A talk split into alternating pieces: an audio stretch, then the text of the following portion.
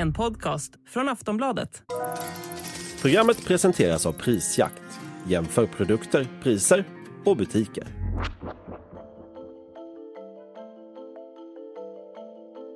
Jag vågar påstå att det inte är många som känner sig pigga just nu. Kanske snarare tvärtom.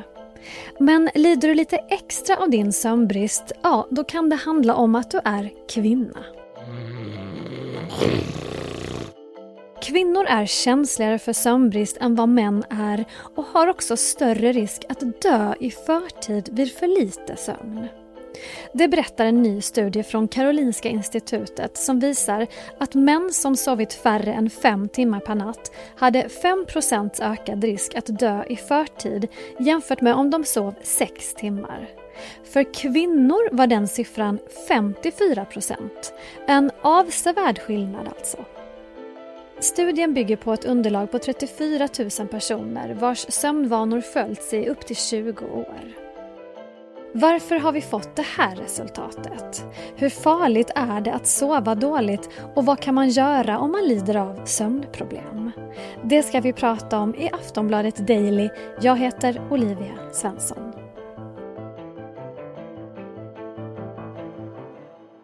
Gäst i dagens avsnitt är Torbjörn Åkerstedt som forskar om sömn vid Karolinska institutet och Stockholms universitet och som är en av forskarna bakom studien.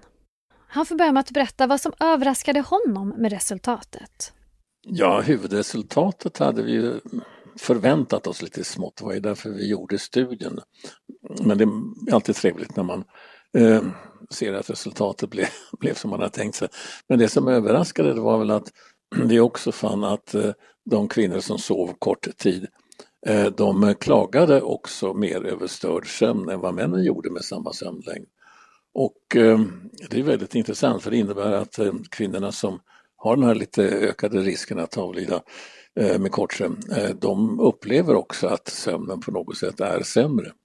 Och det hade vi inte räknat med sådär, det var en överraskning. Ja.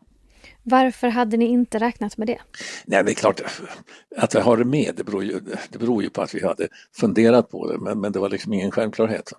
Det här att kvinnor visar sig vara känsligare för sömnbrist, ganska mycket känsligare. Vad beror det på? Vad har ni kommit fram till för eh, ja, teorier? Det vet vi ju egentligen inte, eh, utan det är mest en eh, något sån här vettig gissning kanske att det har att göra med, med, med menscyklicitet, eh, hormonvariationer eftersom vi vet att eh, sådana variationer i andra studier visar sig vara kopplade till störd sömn. Så att det är snarare, det är väl det vi tänker oss. Men eh, det måste vi i så fall bevisa också, men det, det är den hypotes vi har. Kan man säga något generellt om hur farligt det är att sova för lite och sova för dåligt? Ja, det kan man nog göra. Alltså, vi tycker ju att eh, risken med att sova för kort tid eller för lång tid har överdrivits väldigt mycket därför att den finns ju där men den är så väldigt mycket större än vad, äh, mindre förlåt, äh, än vad risken är till exempel för äh, rökning, stillasittande, fetma, alkoholkonsumtion och vad det kan vara. Så att det är en ganska liten ökning, den finns där men det är en liten ökning. Och det tycker jag är väldigt viktigt att få fram att, så att folk inte oroar sig i onödan. Och likaså det att Eh, I princip så är det ju så att från 5,5 timmar upp till 8 timmar så finns det inga samband med, med dödlighet. Det är ett stort intervall med mm. tillåten sömn så att säga. Och det ser väldigt olika ut för olika individer hur mycket man behöver. Ja, det är så att människan varierar i sömnbehov liksom i allting annat. Men eh, det är så att de flesta människor eh, ligger väldigt nära Ja, från, de ligger från 6 till 8 timmars sömn. Där ligger ju säkert 70 procent av befolkningen, kanske 75. Så att de som har den här korta sömnen som vi mm, tror är kopplat till en högre mortalitet, eh, det är ju någonstans runt 2 procent drygt. Så att det är ingen stor andel alls. Hur mycket räknar man med de här kanske uppvaken som ändå väldigt många människor gör? Räknas de in i de här 6 till 8 timmarna då? Om man till exempel vaknar för att gå på toaletten eller störs av ett barn? Nej, alltså för, först ska vi tänka att det här är alltså mindre än fem timmars sömn över en längre tid. Va? Det här är deras eh, normala sömn, va? så att det är inte bara någon gång då och då. Men det här med uppvaknanden, det är så att så länge man somnar om igen så är uppvaknanden inte problematiska så länge man får ihop eh, en fem och en halv, sex timmars sömn. Just det. Hur mycket påverkar då sömnen vår hälsa totalt sett skulle du säga? Det, det är så att inom de här variationerna som jag talat om, 5,5 timmar till 8 timmar så är det ju knappast någonting alls. Utan det är när man kommer ut i ändarna på fördelningen som man får eh, en koppling till hälsa och eh, överlevnad. Och det är långt ut i ändarna på fördelningen så att eh, det är antingen väldigt kort sömn då eller väldigt lång sömn som är kopplat till sjuklighet och dödlighet. Nu tyckte jag det var intressant att du sa det här med båda ändarna. Det kan alltså vara dåligt att sova för mycket också? Ja, fast ofta misstolkas de resultaten så att det skulle vara farligt att sova för mycket i sig eller att lång sömn skulle orsaka död eller sjukdom. Utan det är snarare så att eh, det finns någon, något underliggande problem, eh, en sjukdom som inte har så att säga manifesterat sig än, man har inte sett att det är en sjukdom. Eh, och den här sjukdomen tror vi ger då en trötthet. De flesta, nästan alla sjukdomar kan man säga är förenade med trötthet. Och är man trött så försöker man sova längre tid.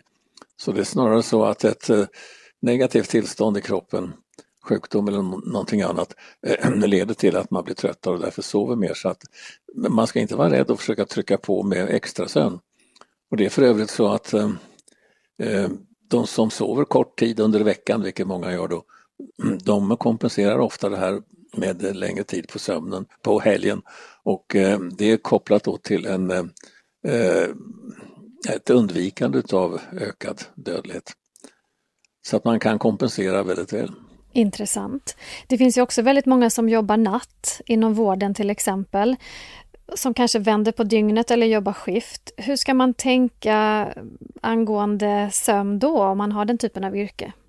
Ja, alltså det viktiga är kanske att försöka få ihop tillräckligt med sömn under lediga dagar och naturligtvis under eftermiddags i samband med eftermiddagsskift eh, om man har det. Eh, så att eh, det är väl också så att eh, ibland kan det vara längre att ha lite längre, är bättre att ha lite längre skift eh, för att på det sättet få fler lediga dagar att sova på.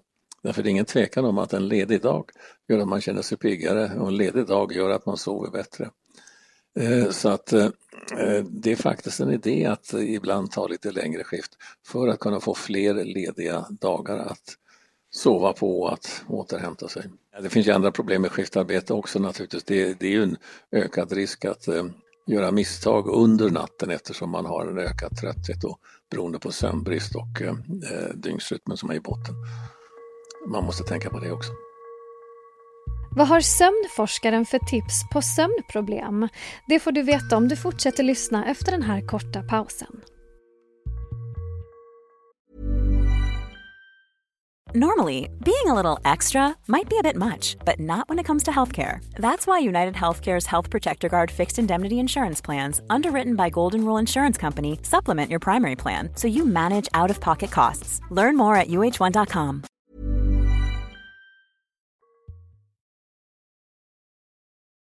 Jag läste någonstans att forskning visar att sju av tio kvinnor upplever sömnbesvär under klimakteriet. Finns det någon motsvarande period i livet för män där sömnbesvär ökar? Egentligen inte. Eh, män klagar ju något mindre på sömnstörningar än vad kvinnor gör. Och eh, eh, som jag sa nyss, kvinnors klagomål på sömnen verkar ha att göra med att det gäller den korta sömnen som är speciellt dålig. Nej, männen verkar ha en, en väldigt positiv uppfattning om sin sömn. Förmodligen en felaktig sådan eftersom många människor, många män eh, lider ju av sömnapné eller grov snarkning eh, och där stör sömnen. Men det märker inte de sovande männen. Det märker ju möjligen sovrumspartnern men eh, inte de själva.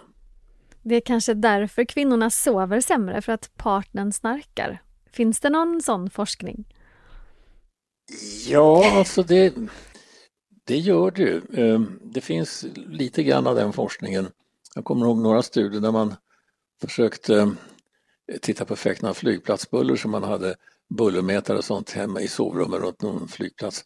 Eh, men där visade det sig att ehm, den värsta störningen det var partnerns rörelser inklusive snarkning.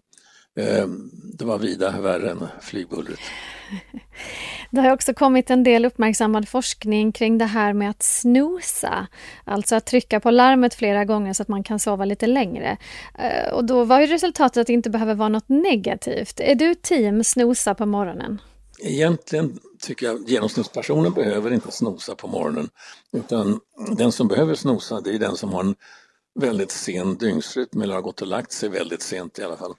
Eh, därför då är det svårt att vakna, det är väldigt tungt att vakna eh, med sömnbrist i kroppen. Och där kan det vara en, en väg att vakna lättare att snosa. Men annars tycker jag att det är bättre att eh, använda den här snostiden, om det nu kanske är en 30 minuter totalt, Mm, till att sova eh, eh, utan att eh, snosa. Men som sagt, har man problem att komma upp på morgonen så eh, är det nog ingen dum idé. Och det är så, man förlorar mindre sömn än vad jag trodde efter den här senaste studien. Man förlorar kanske bara 10-20 procent utav sovtiden på det. Så att eh, det kan vara en bra grej för de som verkligen behöver hjälp att komma upp på morgonen. Vilka tips har du annars som sömnforskare för människor som sover dåligt eller som har dålig kvalitet på sin sömn? Vi har den här långa listan på allting som man ska göra och inte göra med fysisk aktivitet. Man ska tänka mycket, man ska röra sig fysiskt för det tröttar ut hjärnan, en trött hjärna sover mer. Och vi har naturligtvis det här med att undvika allt med, med alkohol och eh, tobak och eh, koffein och, och liknande. Och inga aktiviteter sent på kvällen, helst inte fysisk aktivitet sent på kvällen, men gärna på dagen. Då. Ehm, men eh, det är ju så att den värsta stressen det är egentligen oron, eller stressen eller oron beroende på hur man ser på det, mm. Eh, som finns på kvällen. Och den är det väldigt svårt att bli av med. Det måste man arbeta med att försöka få ner stressnivån genom att tacka nej till saker att göra. Kanske eh, söka behandling för ångesttillstånd och annat. Därför att eh, stressen och ångesten är den viktiga sömnstöraren och den är svår att rå på på något annat sätt än med eh, en behandling av själva orsaken. Det räcker inte, ofta inte med enbart råd om sömnen då. Och eftersom den här studien visade att just kvinnor är mer drabbade av sömnbrist, att det har en allvarligare effekt på kvinnor. Är det någonting särskilt man ska tänka på då? Nej, man ska försöka se till att ge sömnen, ge sömnen den tid den behöver. Eh, det vill säga se till att man har tillräckligt med tid i sängen och försöka montera bort saker som eh, stör det här. Eh, småbarnsföräldrar har ju ofta störd sömn och eh, nu är det väl så att även om man har en störd sömn med småbarn så när man väl sover så sover man djupare så att det är inte fullt lika synd om småbarnsföräldrar som man skulle kunna tro, men det är synd om dem. Eh, de får alltså mindre sömn och blir trötta och lättirriterade. Och eh, det är viktigt att båda parter hjälper till med det här, halverar natten eller på något annat sätt försöker fördela belastningen mellan sig. Så att, de inte, så att inte en person tar alltihop och då blir trött, irriterad och förmodligen löper risk för viss ökad sjuklighet. Mycket bra och viktigt råd. Får jag fråga hur du sover själv? Ja, rätt okej. Okay. Eh, med ökad ålder så märker jag att jag börjar vakna lite grann. Men någonting som man ska lägga till i det här sammanhanget är att med ökad ålder blir man också piggare. Därför att eh, det som kostar energi i hjärnan som man måste sova ihop till, eh, det är ju framförallt inlärning. Och äldre personer har ju redan lärt sig allt de behöver medan yngre får slita för att stoppa in saker i hjärnan och naturligtvis slåss med karriär. Så att, eh, äldre är betydligt piggare än yngre personer. Det syns i olycksstatistiken också. Ja. Och med de orden så avslutar vi den här intervjun. Tack så mycket Torbjörn. Ja, tack själv.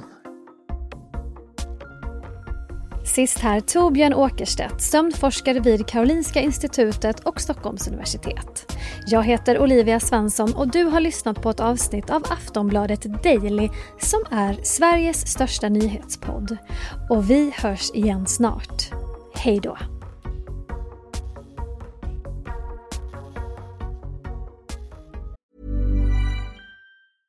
A lot can happen in the next three years. Like a chatbot may be your new best friend. But what won't change? Needing health insurance. United Healthcare Tri Term Medical Plans are available for these changing times. Underwritten by Golden Rule Insurance Company, they offer budget friendly, flexible coverage for people who are in between jobs or missed open enrollment. The plans last nearly three years in some states, with access to a nationwide network of doctors and hospitals. So, for whatever tomorrow brings, United Healthcare Tri Term Medical Plans may be for you. Learn more at uh1.com.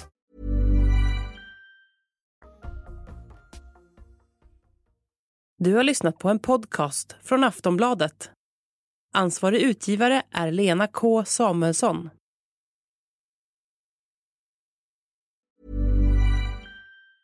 Tired of ads barging into your favorite news podcasts?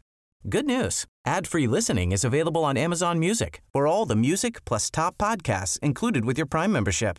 Stay up to date on everything newsworthy by downloading the Amazon Music app for free or go to amazon.com slash news ad free. That's amazon.com slash news ad free to catch up on the latest episodes without the ads.